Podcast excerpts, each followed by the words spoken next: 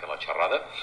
Dir-vos doncs, que parlaré una estona, us faré una petita exposició, primer un paquet de preguntes i després una exposició d'uns 10 minuts, i després doncs, m'agradaria que féssiu totes les preguntes que us vingués a gust, perquè jo penso que realment per construir col·lectivament una organització revolucionària la millor manera doncs, és eh, preguntant, dubtant, eh, discrepant, generant debat, etc etc. Bueno, la xerrada d'avui es titula Ecologisme i esquerra independentista, però també la podríem titular d'una forma una mica més àmplia i segurament més, més adient i més completa. No? Podríem parlar de crisi ecològica, ecosocialisme i lluites en defensa del territori, del clima i de la natura als països catalans i arreu del món.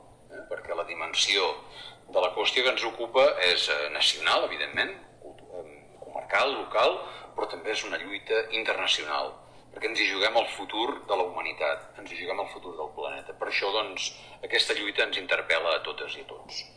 Bé, per anar avançant, eh, si us sembla, eh, farem una mena de qüestionari d'unes 6 o 7 preguntes, jo faré unes preguntes i unes respostes amb opinions, i llavors farem l'exposició una mica ràpida i breu perquè no es faci molt i molt carregós.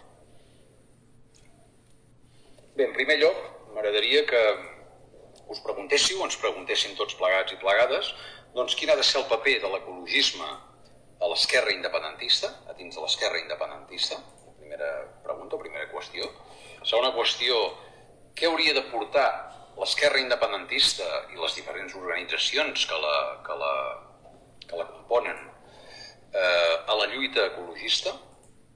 Quan parlo d'esquerra independentista, eh, també podem fer-ho extensiu la pregunta al conjunt de l'independentisme o al conjunt de l'esquerra. Vosaltres mateixos i mateixes. Eh? Això es tracta de... no és res estàtic, eh? tot és, és matisable i millorable eh, farem una petita asseveració de la conjuntura nacional a nivell de Catalunya i del conjunt dels països catalans i a nivell internacional de quina és la situació ambiental avui dia, eh, 2020. Llavors, doncs, ens hauríem de preguntar també com inserim el discurs ecologista a la lluita nacional, social i feminista. Després també quin ha de ser el paper dels joves eh, en la lluita ecologista.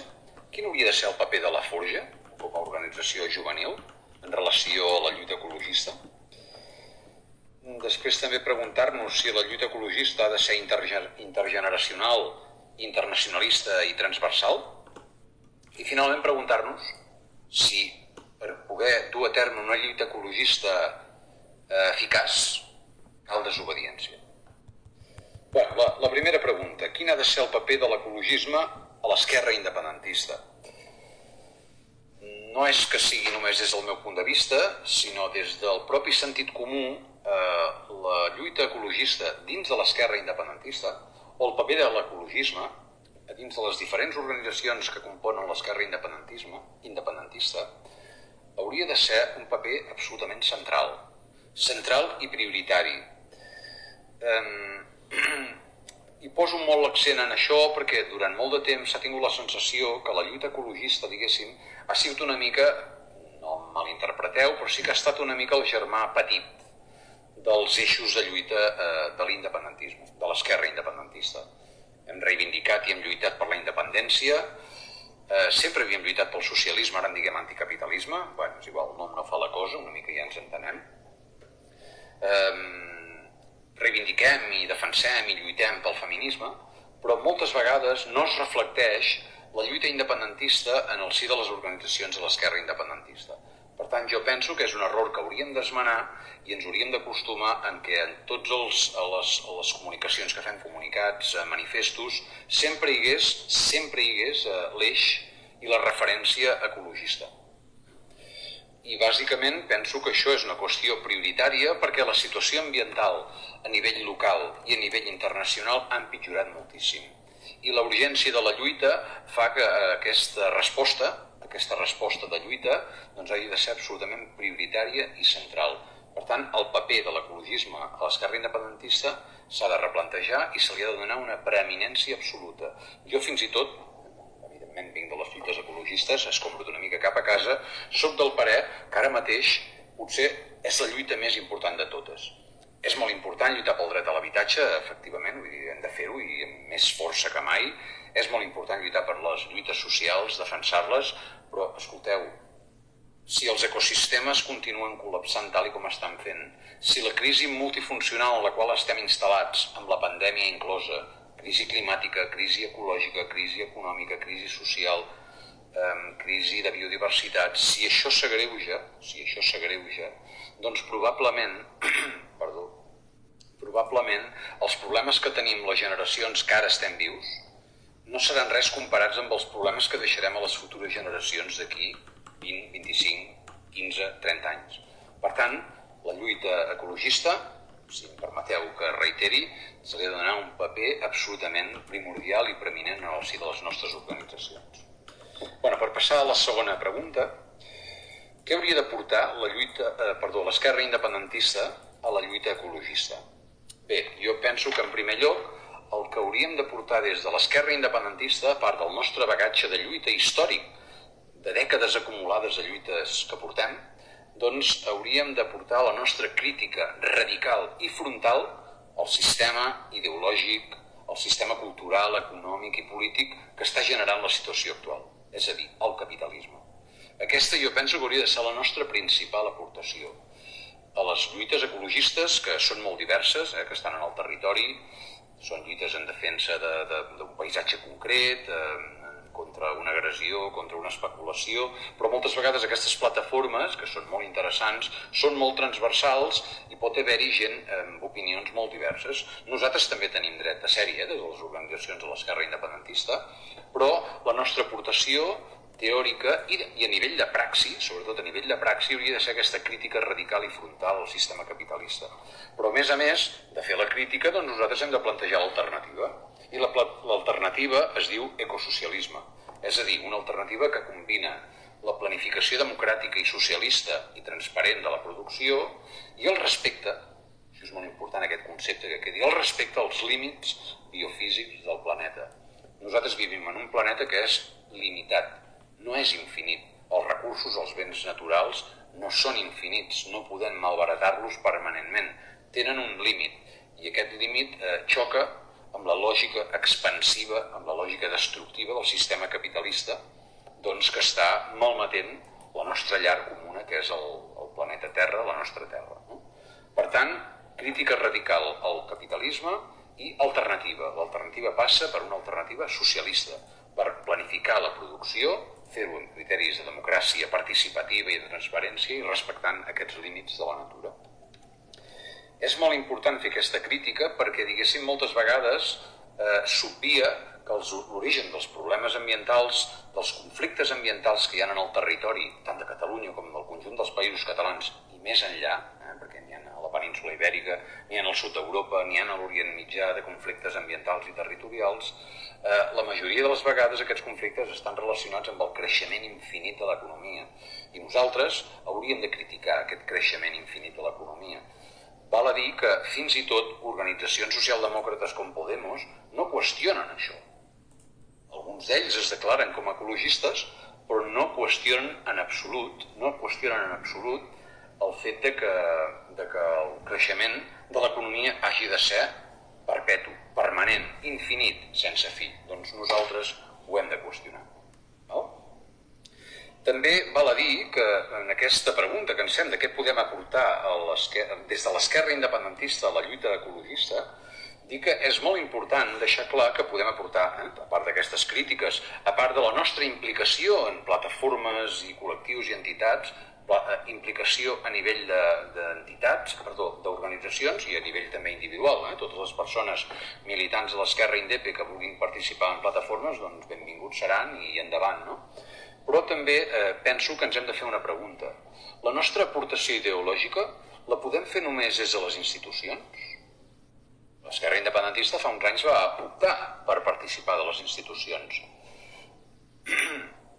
Estem a les institucions, molts de nosaltres hem estat regidors, eh, hi ha centenars de regidors i regidores arreu dels, de, de Catalunya, del Principat, i estem fent lluita eh, institucional també en el Parlament de Catalunya i en algunes eh, diputacions. Però aquesta lluita s'ha de fer només des d'aquí dins? És evident que no. és la, la lluita institucional és un front més de lluita. Potser no és el més important. Jo penso que és interessant reivindicar el paper doncs, actiu que poden fer les organitzacions i els col·lectius més enllà de la institució. La institució és un altaveu, és veritat, té mecanismes interessants que ens poden ajudar, però és evident, és evident que té moltes limitacions. I una de les limitacions és que hi ha el perill de ser absorbits per aquest poder institucional. Per tant, cal combinar els diversos fronts de lluita, eh? des de les institucions, des de les entitats, des dels col·lectius.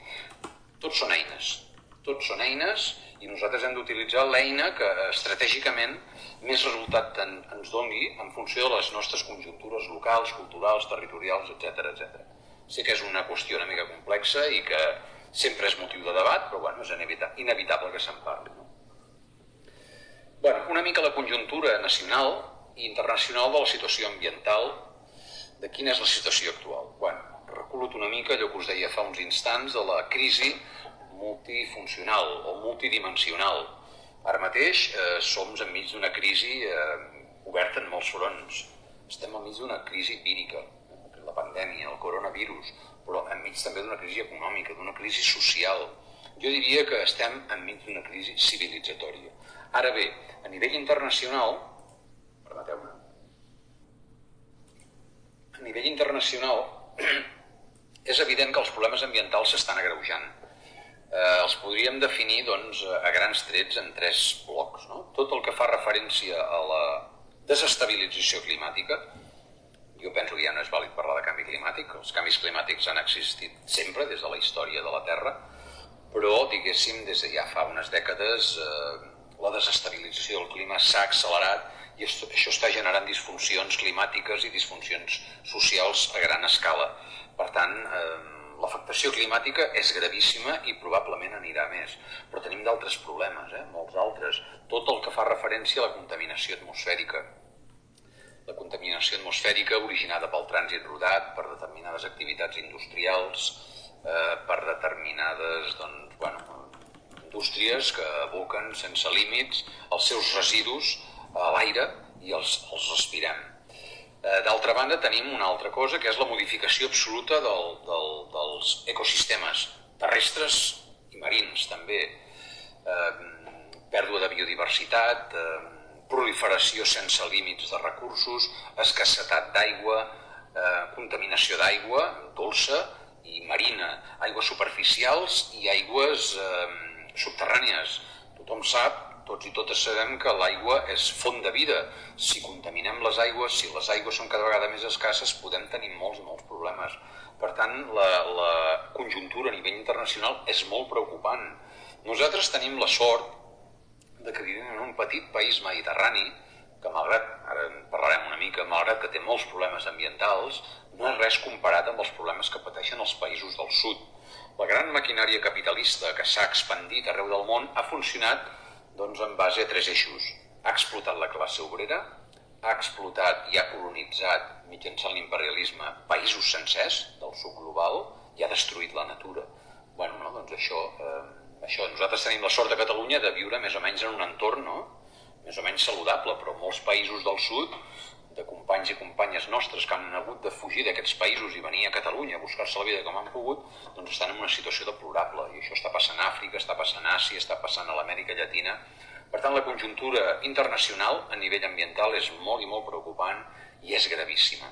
A nivell nacional, bueno, parlo de Principat de Catalunya, conjunt de la nació que són els països catalans, i jo no m'atreveixo a parlar-ne tant perquè no conec en detall els conflictes ambientals que tenen, però és evident que al País Valencià i a les illes hi ha molts de conflictes ambientals similars als que patim al Principat, i a nivell de Principat, doncs bé, doncs imagineu-vos, som un petit país, peninsular i mediterrani, que no arriba a una població de 8 milions i que està profundament desequilibrat. Hi ha una escissió bestial entre el món urbà i el món rural, el món rural ha quedat totalment buidat i totalment desestabilitzat. Hem concentrat la població a la gran àrea metropolitana de Barcelona i això és, és clar, és una font de conflictes ambientals permanent. Tenim un país trinxat per l'especulació immobiliària, eh, construcció sense límits d'infraestructures de tot tipus, elèctriques, eh, viàries, eh, carreteres, autopistes, eh, rotondes, eh, rondes, bueno, de les carreteres en aquest país dona molt i molt de què parlar. Per tant, la situació de conjuntura nacional és bastant greu, tenim espècies animals en perill d'extinció, problemes d'incendis, problemes d'erosió, problemes de sobreexplotació dels recursos pesquers, eh, amb extinció sencera d'espècies de, de, de, de peixos.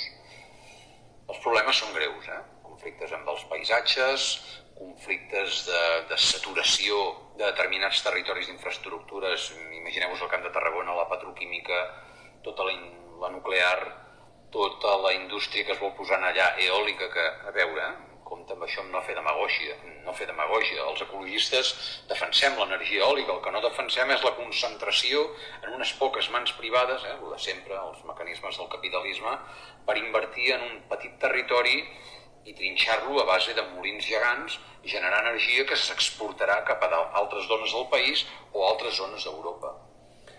La conjuntura a nivell nacional i internacional és una cosa molt complexa, donaria molt que parlar, simplement hem fet una petita, pincell, una petita pinzellada. Seguim amb aquell qüestionari. Una altra pregunta seria com inserim el discurs ecologista en les lluites nacionals, socials i feministes? Doncs bé, eh, jo penso doncs, que una mica el que hauríem de fer, estratègicament i tàcticament, doncs és eh, reivindicar reivindicar que les lluites estan vinculades en certa manera. No? Nosaltres lluitem per un país lliure, però volem que aquest país doncs, hi hagi justícia social, volem erradicar el masclisme i evidentment volem que aquest país pugui ser un país saludable, amb un medi ambient en bon estat i on les persones hi puguem viure i puguem construir un futur doncs, ple d'esperança de, de, i de, de futur, no? mai, mai més ben dit. Per tant, doncs, és molt important vincular lluites hi ha una qüestió que jo penso que és molt i molt transversal, que ens serveix per la lluita feminista, ens serveix per la lluita independentista, per la lluita social, que és la qüestió de l'ecofeminisme. L'ecofeminisme és tot un sistema d'idees molt interessant que s'està desenvolupant a moltes parts del món, eh, que a Llatinoamèrica, des de l'indigenisme, eh, sempre m'agrada reivindicar la Berta Cáceres, doncs s'ha reivindicat molt i s'ha posat en pràctica i aquest ecofeminisme doncs, és una conjunció de valors, de valors d'alliberament, de justícia, de justícia social, que bueno, doncs ens pot ajudar a vincular una mica aquestes lluites. No? La lluita per la república i la independència no està deslligada de la lluita per la justícia social i no està deslligada de la lluita per una societat erradicada de masclisme i no està en absolut deslligat d'una lluita doncs, ecologista i per la defensa de la Terra i del, de l'entorn i del planeta en el qual vivim. No? Per tant, doncs, és molt important inserir aquests discursos, inserir sempre la variant ecologista, la variant ecologista en les altres lluites. Em diu aquí un company que tàctica i estratègia no pot ser el mateix, és cert, evidentment, disculpeu-me si parlo molt ràpid i estic barrejant conceptes. És un detall molt important, una cosa és la tàctica i una altra cosa és l'estratègia. L'estratègia és sempre a llarg termini, les tàctiques sempre són moviments tàctics més a curt termini que han d'estar doncs, supeditats a una estratègia, a una planificació a llarg termini. Fet el matís, passo ja a la quarta pregunta. Eh, quin hauria de ser el paper dels joves en la lluita ecologista? Doncs bé, els joves eh, i les joves eh, des de fa uns mesos, fa un any aproximadament, a nivell internacional, va sorgir aquest moviment que era Fridays for Future, que precisament jo que sóc de Girona va ser la primera ciutat on va començar i és un moviment que s'ha anat, anat estenent i que està a molts llocs implantat. Això ens diu una mica eh, per on ha d'anar la pregunta. No? És evident que les generacions que ara són joves, que teniu 18, 16, 15, 20, 22, 25 anys, doncs, esclar, us jugueu moltíssimes coses. Jo ja tinc una edat, vaig néixer l'any 71, tinc 49 anys, he viscut ja uns quants anys, em queden més, menys anys de vida que vosaltres, això no vol dir que no em preocupi el futur us pugui preocupar a vosaltres, però és evident que vosaltres us haureu d'enfrontar a situacions eh, que jo potser ja no viuré. I per tant, doncs és evident que el paper de la gent jove, de la gent jove, ha de ser importantíssim. Ha de ser un paper de sacsejar consciències, ha de ser un paper d'aturar aquesta bogeria capitalista, aquesta màquina embogida que no té límits i que pensa carregar-se el clima, els ecosistemes, la biodiversitat i absolutament tot el que pugui. Per tant, els joves, eh, el futur ha de ser eh, això, plantar cara, ser rebels, mirar el que van fer generacions anteriors i emmirallar-se dels millors referents històrics i seguir amb la lluita i sempre endavant, no? Vull dir, la lluita, eh, ja sé que pot semblar una mica un lema suat, però no és suat, és molt vigent, molt vigent, perdó, la lluita és l'únic camí. Cal lluitar, d'una manera o d'una altra, fent servir unes eines o unes altres eines, però sempre cal plantar cara, i en aquest sentit els joves tenim moltes i moltes coses a dir, i els adults tenim moltíssimes coses a aprendre de vosaltres, i segur que les aprendrem. Per tant, el paper dels joves ha de ser de motor, ha de ser de lideratge, ha de ser de referent moral i ètic, ha de ser de desvetllar consciències i d'aturar doncs, eh, aquesta deriva, aquesta deriva destructiva i autodestructiva que porta la societat capitalista a nivell internacional i a nivell nacional, eh, també a Catalunya. Una altra pregunta és si la lluita ecologista ha de ser intergeneracional, internacionalista i transversal. Doncs bé, ara troca una mica amb l'anterior la, pregunta, no? La lluita, eh, la lluita ecologista no ha de ser només una cosa de joves, ni ha de ser tampoc només una cosa d'adults, de, de persones grans. Aquí tots i totes hi tenim moltes coses a dir. Ha de ser una lluita, en aquest sentit, intergeneracional. Tots plegats hem d'unir esforços, hem d'unir esforços en bastir les alternatives que hi són, eh? hi són. L'alternativa ecosocialista existeix, l'hem de dotar de contingut i això hem de defensar-ho totes persones grans, joves i també infants. Eh? També els nens i nenes han de tenir protagonisme en aquesta lluita. Jo sempre reivindico que ha de ser una lluita amb, amb criteri o amb mirada internacionalista perquè els problemes ambientals no són aïllats, no són una bombolla aïllada, no és un problema d'una comarca, d'un poble, d'un sol país, en absolut. Els problemes ambientals són mundials, són transversals en aquest sentit. A Catalunya tenim uns problemes a Cuba tenen uns altres problemes, al Nepal en tenen uns altres, eh, Escandinàvia en tenen uns altres, al Senegal i a Sud-àfrica en tenen uns altres, però hi ha una arrel comuna. Hi ha una arrel comuna i aquesta és l'arrel comuna que tots i totes hem de combatre. Per tant, hi ha d'haver-hi una coordinació. En aquest sentit, doncs, jo faig una crida a que des de la Forja tot el vostre capital militant i la vostra experiència acumulada, que és molta i és molt important, tant de vosaltres com d'altres organitzacions, poseu tota aquesta intel·ligència col·lectiva al servei de bastir mecanismes de coordinació amb d'altres organitzacions a nivell internacional. És molt important que ens coordinem, ens coordinem perdó, a nivell eh, del sud d'Europa, a nivell peninsular, a nivell europeu, a nivell internacional.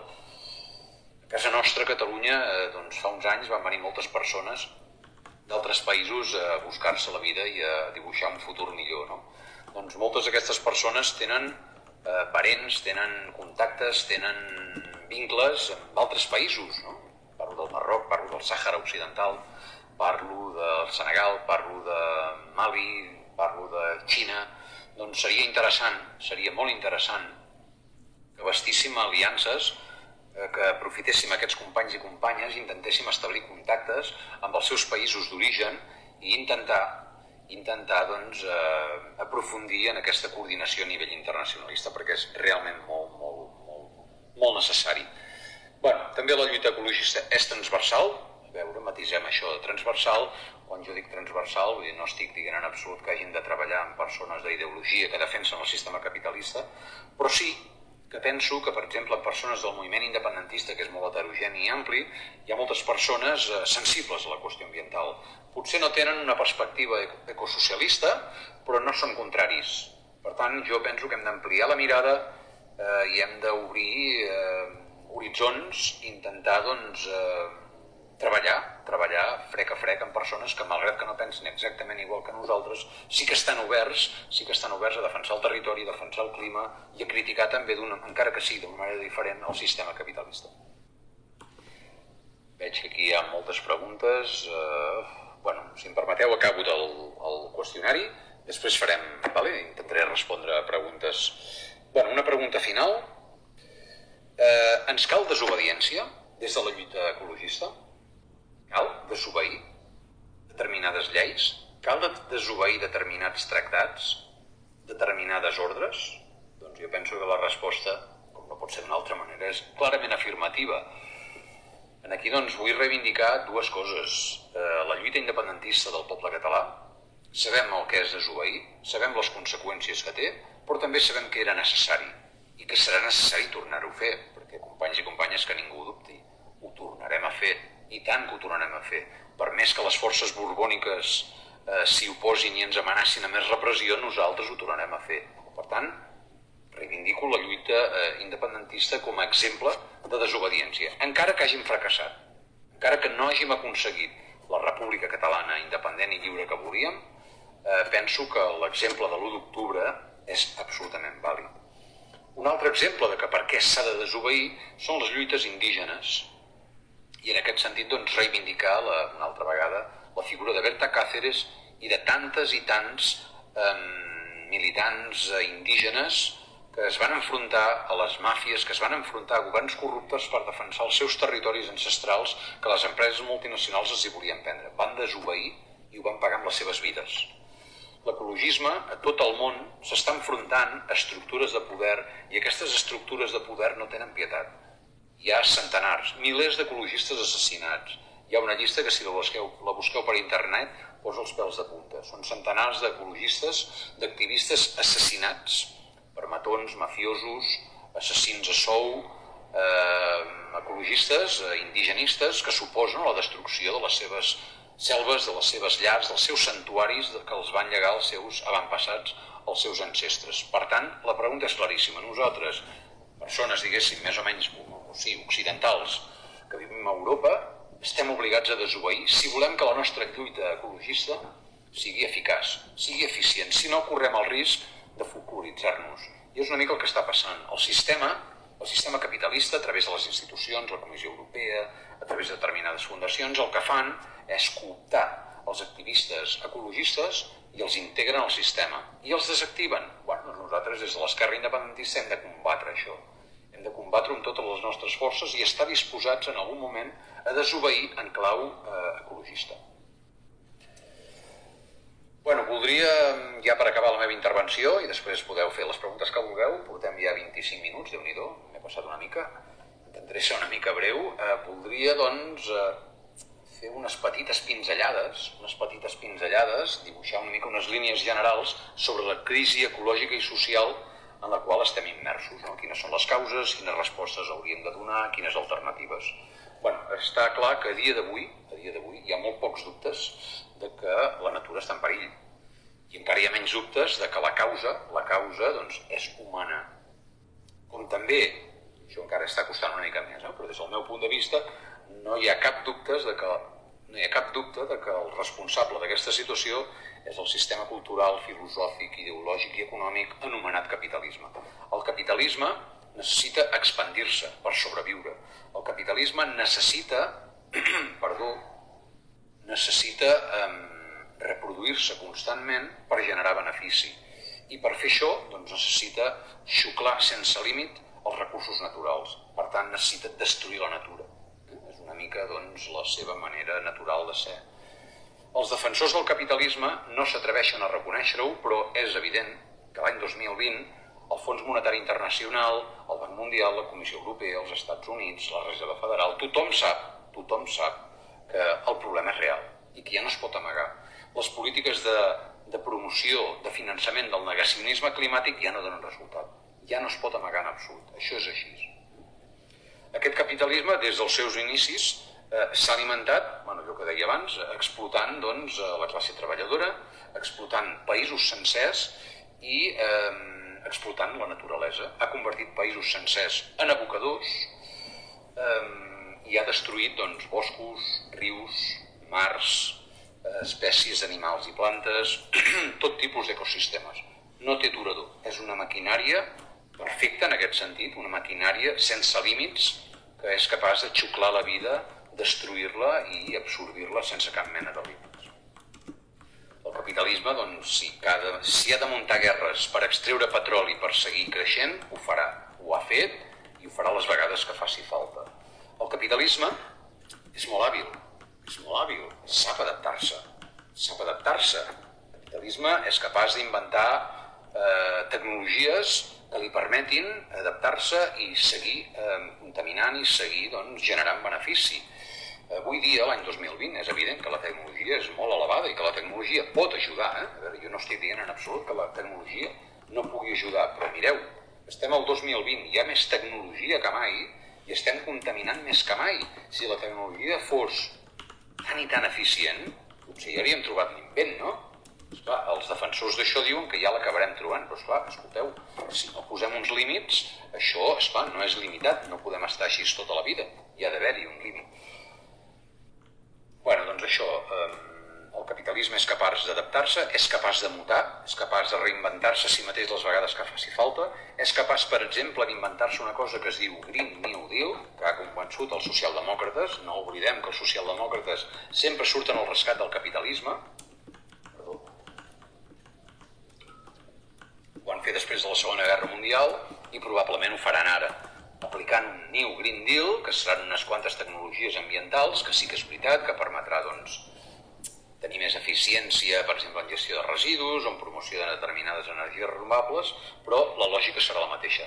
Expansió sense límit, creixement infinit, consum desaforat de matèries primeres, de recursos energètics i destrucció d'ecosistemes. Potser ho farem més lent, Potser ho farem pintat de color verd, però el resultat serà el mateix.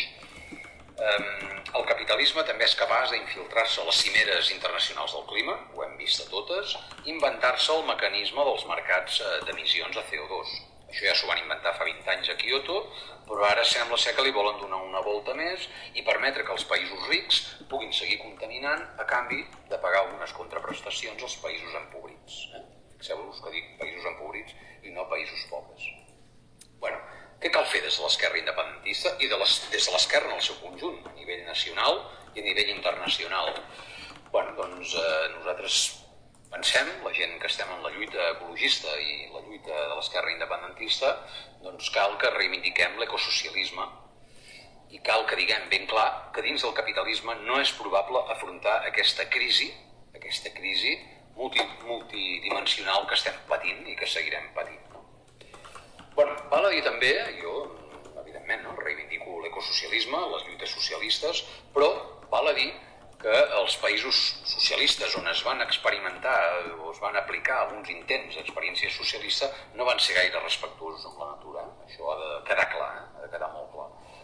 Dit això, sí que és veritat que ja des dels anys 70, 80 i 90 ja hi ha hagut pensadors socialistes doncs, que van reflexionar moltíssim van reflexionar moltíssim i van fer aportacions ecosocialistes, reivindicant la natura, denunciant la destrucció de la natura i reivindicant justícia social. Des dels primers, eh, hi ha hagut molts, eh, els primers, eh, Sacristan, Fernández Buey, hi ha un pensador català que penso que és molt interessant, que és Salvador Balcells, militant del PSAN, eh, que ja té una edat, però que va fer llibres eh, vinculant la lluita nacional, la lluita social i la lluita ecologista, i és molt i molt interessant. Eh? Seria, seria important recuperar lectures i rellegir-ho.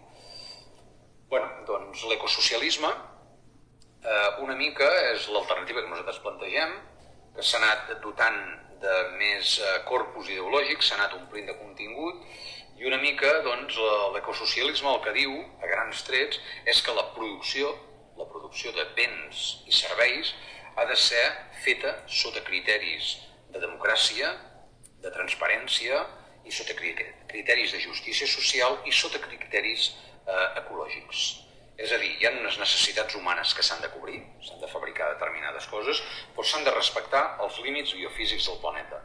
No podem seguir construint, seguir produint sense límits i no tenint en compte el factor ambiental, no tenint en compte la llar comuna que és el planeta, que és la llar de tots i totes els humans.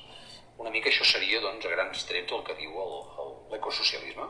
Per tant, cal una planificació ecològica i democràtica i repartir la riquesa. I en aquest sentit doncs, és molt important combinar les dues coses, combinar els dos eixos. Hem de respectar la natura, però hem de tenir en compte i posar al centre les classes populars.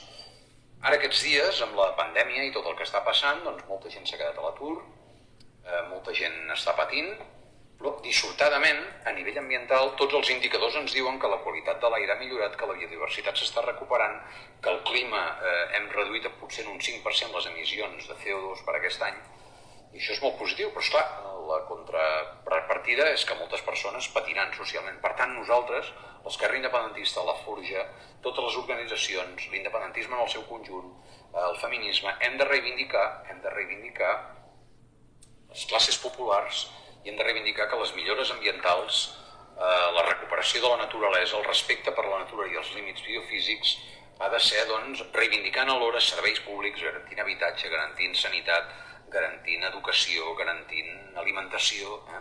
un sistema alimentari de proximitat, és molt important recuperar les dues coses. I ja per acabar, doncs, dir que aquesta lluita ha de ser internacionalista i s'ha de combinar la lluita local amb la lluita internacional.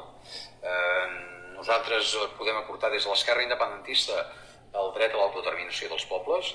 Val a dir que el capitalisme està, diguéssim, eh, governant o desgovernant els pobles del món eh, des de una posició jeràrquica. En aquest sentit, doncs, nosaltres, des dels els, els i les independentistes, podem aportar també aquesta reivindicació de l'autodeterminació dels pobles, que és una forma de reivindicar les sobiranies, de reivindicar el dret a autogovernar-nos, de reivindicar també el dret a respectar la natura i lluitar doncs, per, per, per aquest planeta que és de tots i de totes, és de tots i de totes els que hi vivim ara i sobretot és de les futures generacions que tenim l'obligació moral de deixar-los una llar en futur i plena de vida. Bé, una mica doncs seria això. Llavors ara a nivell de preguntes, eh, bueno, he vist que algun company del Pablo em deia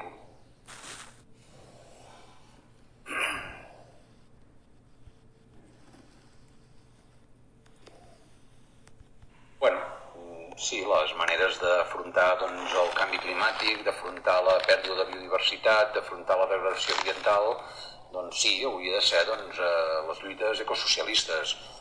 Jo penso que les lluites marxistes del passat són molt importants, són referents històrics, però és evident que estem a l'any 2020 i no podem plantejar una alternativa socialista sense tenir en compte sense tenir en compte el factor ambiental. Diguéssim, la situació és tan i tan greu que ja no hi ha temps, ja no hi ha temps per, per perdre. Eh? Tenim pocs anys, de fet hi ha alguns pensadors que diuen que diuen que ens queden 12 anys, una dotzena d'anys, si no volem que el clima es desestabilitzi més. Si la temperatura puja per sobre dels 3 graus, des dels nivells preindustrials podem tenir problemes gravíssims eh, de, de episodis meteorològics extrems, inundacions, sequeres, incendis, collites eh, que queden destrossades, eh, bueno, doncs val la pena, val la pena, és necessari que nosaltres reivindiquem això altres preguntes? Un company diu, els països catalans han esdevingut el balneari d'Europa i amb la Covid el model s'ensorra. Cal un pla econòmic transformador d'urgència i sostenibilitat per garantir feina i futur al jovent. Sí, és veritat. A veure, això ho ha generat el propi capitalisme. El capitalisme ha territorialitzat el planeta, ha territorialitzat les regions, regions continentals i nosaltres, clar, som territori de sol i platja el sol i la platja atrau persones de pasta que s'han jubilat en països eh, rics del centre capitalista i es venen a jubilar aquí. Evidentment, tenen dret a fer-ho, però esclar, aquest és el futur que volem pel nostre país i jo penso que no hauria de ser aquest. El futur ha de ser per tothom, ha de ser per la gent gran, per la gent jove, pels nens i les nenes. Com ho podem fer? Doncs, bueno, és, evidentment, és evident que ens cal un pla d'impuls de l'economia ecosocialista, ens cal fomentar i potenciar les sobiranies, la sobirania alimentària, ens cal recuperar el nostre sector primari, els nostres pagesos, les nostres pageses, el nostre model alimentari de proximitat, vinculat al territori, vinculat al temps, hem de recuperar la temporalitat dels productes, doncs una mica el futur ha de passar per aquí i també per recuperar indústria neta. No pot ser que les indústries s'hagin deslocalitzat a països del sud que hem anat allà a contaminar-los i nosaltres ens hàgim quedat sense indústria. Ho hem vist aquests dies necessitàvem mascaretes i la indústria catalana va trigar molts de dies a reaccionar a poder fabricar mascaretes. Escolteu, el sector industrial és un sector de futur, és també sobirania, no? Ara, això sí, ha de ser una indústria neta i respectuosa amb el territori.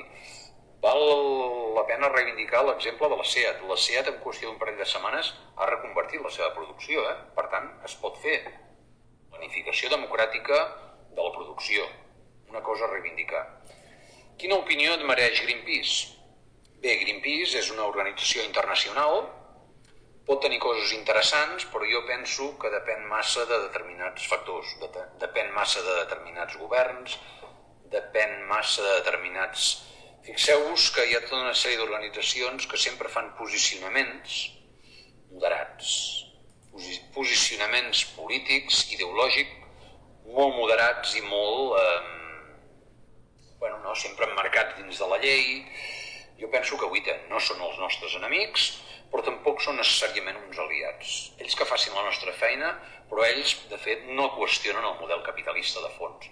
Fan propostes de millora i res més. Per tant, la meva opinió és una mica aquesta. No? Com podem socialitzar el concepte del decreixement necessari per reconvertir el model econòmic? Fixeu-vos que jo en tota la meva intervenció no he fet servir la paraula de creixement. És una paraula que jo sempre reivindico. Però he arribat a la conclusió que eh, aquesta paraula, aquest mot, aquest concepte, és un concepte molt profund i filosòfic, es genera rebuig. Jo crec que la societat no està preparada per parlar de decreixement. Fixeu-vos que ara mateix estem tenint un decreixement brutal de l'economia. Radical, bestial. Tothom està esperant tornar a créixer, a créixer sense límits. Eh, els ecologistes, els i les ecologistes sempre dèiem, des de fa anys, el decreixement l'hem de planificar. El decreixement l'hem de eh, fer-lo nosaltres. És allò de Joan Fuster, la política la fas o te la fan. Si no ho fem nosaltres, vindrà lo bèstia, perquè els límits del planeta han esclatat. El petroli no és infinit. Les matèries primeres com el coure, el lignit, eh, cobalt, fosfats, no són infinits, s'estan acabant, els recursos pesquers s'estan acabant, els estem explotant. Per tant, el decreixement vindrà d'una manera o d'una altra, millor que el fem nosaltres democràticament. Bueno, per tant, hem de comunicar millor. Per això jo he decidit no fer servir més el concepte de creixement i apostar més per el concepte d'ecosocialisme. L'ecosocialisme ha d'incorporar aquest decreixement d'algunes activitats econòmiques, és evident. Ens falta fer molta pedagogia per socialitzar aquest concepte. Jo reconec que és un aprenentatge. Jo encara no he trobat el registre per arribar a un públic que no està necessàriament obert a les tesis ecologistes. Perdó. Com es combat el, el greenwashing? Bueno, el greenwashing, doncs, és evident, eh? pintar les coses de color verd és, és màrqueting, doncs es combat ideològicament. Es combat denunciant, denunciant que és una estratègia de mercat i de màrqueting per poder seguir contaminant simplement posant etiquetes verdes als productes i als serveis i, als, i a les produccions que es produeixen. El greenwashing doncs, eh, sempre s'ha de destapar. És la nostra feina. La nostra feina és una feina a contracorrent. És una feina de lluita constant, de batalla de les idees. En aquest sentit, doncs, sempre m'agrada reivindicar un referent. Ho sento, sóc una mica clàssic, tinc ja una edat. M'agrada molt reivindicar Fidel Castro tot el que representa la lluita del poble cubà la batalla de les idees, companyes i companys. Ara mateix aquesta batalla l'està guanyant el capitalisme, l'estan guanyant les empreses, l'estan guanyant els pensadors que treballen a les universitats, l'estan guanyant els mitjans de comunicació, l'estan guanyant les empreses, l'estan guanyant els tertulians. La batalla de les idees, el capitalisme ens està matxacant. Per tant, hem de reaccionar. Hem de combatre el greenwashing amb dades, amb informació, amb rigor i amb contundència. Però quan proposes l'ecosocialisme, inclou el que implica el socialisme, dictadura del proletariat, perquè si no, no entenc com es vol planificar l'economia. Bé, aquí podríem tenir un debat sobre el marxisme-leninisme i determinats conceptes. A veure, jo vull reivindicar que estem a l'any 2020. Les experiències socialistes que hi han hagut al segle XX són experiències històriques. Totes van ser fallides, totes. D'una manera o altra, totes van fracassar. Ara bé, van ser experiments i jo crec que del que es tracta és d'aprendre del bo i millor, del bo i millor de cada experiència. I també tinc la sensació que la història, el món encara no ha paït, no ha paït eh, un segle de socialisme, no l'ha paït, o 80 anys de socialisme. Per tant, jo penso que és millor és millor reivindicar el millor, eh? la planificació democràtica, transparent de la producció, eh, l'horizontalitat, treballar plegats i plegades, que no hi hagi jerarquies entre unes persones i unes altres persones, penso que és millor reivindicar això, aplicar-hi la teoria eh, ecologista i a la vegada doncs, també reivindicar eh, determinades coses bones, eh, com més la participació en l'alternativa ecosocialista. Jo et convido, companya, company, que hagis fet aquesta pregunta, a que et miris un accent que ara no recordo l'autor, un accent molt interessant que hi ha en el, en el, el setmanari L'accent, que parla d'alternativa ecosocialista. Hi ha un llibre interessantíssim, escrit per un pensador d'origen japonès, que aprofundeix bastant en el concepte. Eh? Penso que constantment és bo que facis aquesta pregunta, és bo tenir dubtes, és bo discrepar, és bo eh, que hi hagi aire fresc. Les coses s'han de parlar, sense tabús. Eh, sí, vull dir, tinguem dubtes, eh, preguntem coses. Bueno, però alhora és necessari que s'impregni en la mentalitat col·lectiva. Tota la raó que l'hem de planificar. Sí, sí, i tant. Company, companya, eh, tens raó, i tant. Hem de posar impostos a l'economia especulativa i promoure l'economia productiva. Hmm. Bona pregunta. Ara fa aproximadament 25-30 anys, les empreses catalanes van participar en el procés de globalització imparable, de globalització capitalista imparable que s'ha desenvolupat i l'economia es va, les fàbriques es van deslocalitzar, la gent es va quedar sense feina, ens vam convertir en una economia de serveis, bàsicament turisme i determinats serveis, i en una economia on la financiarització té moltíssim pes. Això ha sigut nefast absolutament nefast. Per tant, cal reivindicar l'economia productiva, les mans, la intel·ligència, fer coses, coses útils, produir béns i serveis que respectin l'entorn i respectin els límits biofísics, produir coses útils i fotre canya, fotre molta canya, matxacar, combatre els especuladors, combatre els delinqüents de la banca, combatre els lladres amb corbata que cada dia engalipen a gent amb hipoteques eh, vergonyoses. Tot això, aquest tipus d'economia, economia financera, economia especulativa, economia depredadora, eh, economia que només busca el benefici ràpid. Eh? En aquest sentit, doncs, eh, com sempre, hem de plantejar l'alternativa. Aquesta alternativa ecosocialista que reivindiquem, bona part de l'alternativa passa per cooperativitzar l'economia. El sector públic ha de créixer. Necessitem més força del sector públic energia, sanitat, educació, sector públic. Ara, un sector públic també participatiu i transparent, eh? de res ens serviria canviar buròcrates, buròcrates d'empresa per buròcrates d'estat.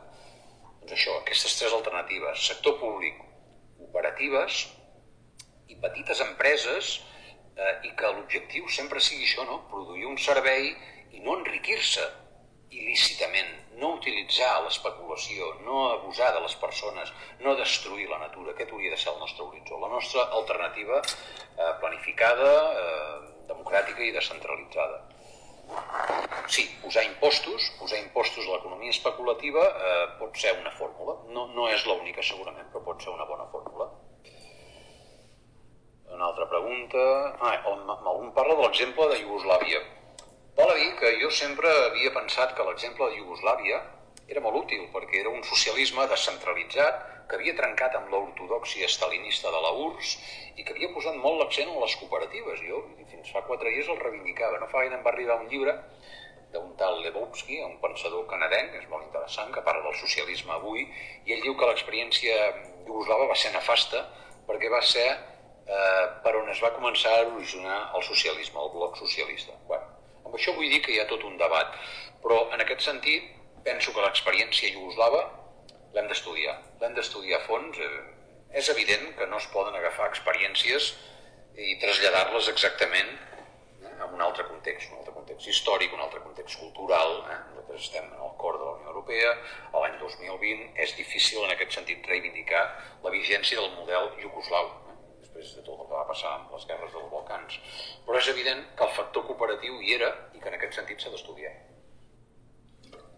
Hi ha altres exemples, eh? més propers. Eh? El País Basc, les cooperatives tenen molta força, el Canadà, les cooperatives i el Quebec tenen moltíssima força. Esteu preguntant moltes coses i s'està acabant el temps. Tenim 10 minutets, vinga, va, ràpid. M'entenc, no sé. La necessitat de construcció d'un model socialista diferent del passat, doncs des de l'entrada de l'estalinisme tot va anar pitjor. Per utilitzar models com el del socialisme, bueno, ja hem vist com ha funcionat aquest pseudosocialisme a Venezuela. Bé, el tema de Venezuela, companyes i companys, hem de tenir en compte que Venezuela, Cuba, s'han estat enfrontant durant molts anys a la força de l'imperi. L'imperi yanqui té molt de poder per desestabilitzar, té molt de... Eh, un país bloquejat com Cuba, com voleu, eh, el cas de Cuba jo penso que, que és estudiar perquè aquesta gent ha donat un exemple a l'espècie humana, perquè tot el que han patit, amb el bloqueig que estan patint, el que estan fent, eh? enviar metges ara, per exemple, a ajudar gent. I el cas de Venezuela, doncs, eh, el, el socialisme del segle XXI jo penso que té futur, però a Venezuela, és evident que hi ha una batalla soterrada i és evident que el propi socialisme ha comès errors. Eh? És el propi productivisme. Eh? Es van dedicar a continuar traient petroli i no els hi anà gaire bé. Ara bé, heu de tenir en compte això, que la conspiració permanent d'un imperi que tenen al cantó els ha desestabilitzat. No tenim ara temps d'aprofundir. Bon, estic en dubte quina opinió té sobre la forja, sobre el front UB. Vostra ideologia és compatible amb ella? sobre el front obrer. Quan dius front obrer no sé bé què et refereixes, si et refereixes a la lluita obrera, bé, doncs jo penso que la Forja doncs, té una actitud correcta, reivindica la classe obrera, reivindica la lluita en defensa de la classe treballadora i és una lluita doncs, que compartim i que avui ho podem fer més bé o més malament, però és el nostre full de ruta. Lluitar per la classe obrera, lluitar per la independència d'aquest país i perquè tinguem una república lliure, sobirana i socialista, lluitar pel feminisme i lluitar per la natura, evidentment. És a dir, revolució permanent, per exemple, citant el concepte de revolució permanent, jo penso que és perfectament vigent. Si plantegem que és el capitalisme el problema i aquest té una organització mundial, efectivament, el capitalisme és el problema i el capitalisme té una dimensió global i té moltes organitzacions internacionals que el defensen. Nosaltres tenim poques organitzacions que qüestionen el capitalisme, però bueno, algunes n'hi ha, eh? Cap, cap sentit té que fem un país únic. Cert, no podem fer el socialisme en un país únic, però tampoc podem fer-lo a la vegada, a tot el planeta. Per tant, això es tracta d'una lluita dual, en dos, en dos sentits. Hem d'apretar a nivell internacional, hem de vestir aliances i nosaltres a casa nostra hem de fer tot el que puguem. Exacte, diu el company, la correlació de forces sempre és un concepte clar. Evidentment a Venezuela, doncs... De moment no han pogut enderrocar el socialisme del segle XXI. Eh? Considereu que cal alguna col·laboració amb el Frente Obrero? Bueno, si és alguna organització, doncs no sé. Bueno, ho hauríem de conèixer primer. No? Companyes i companys, queden 7 o 8 minuts. Ja heu fet moltíssimes preguntes molt interessants.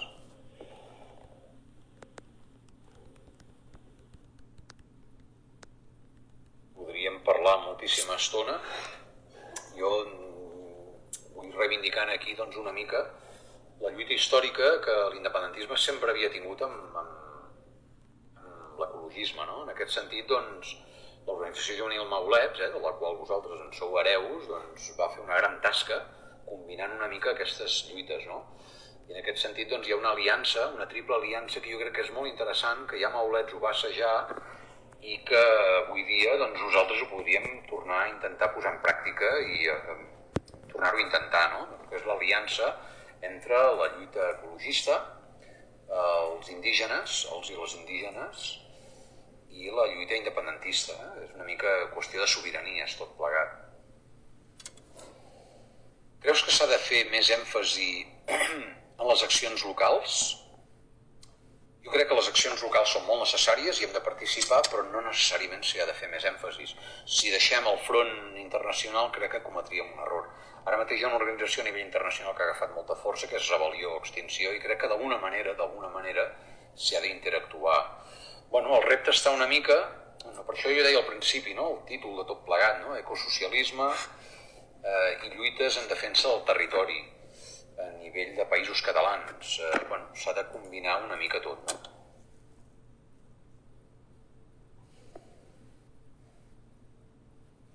moltíssimes gràcies a vosaltres per la xerrada, sempre és un plaer i bueno, jo estic segur que parlant amb vosaltres eh, prenc moltíssimes coses, de fet sempre he pres moltes coses de la gent jove.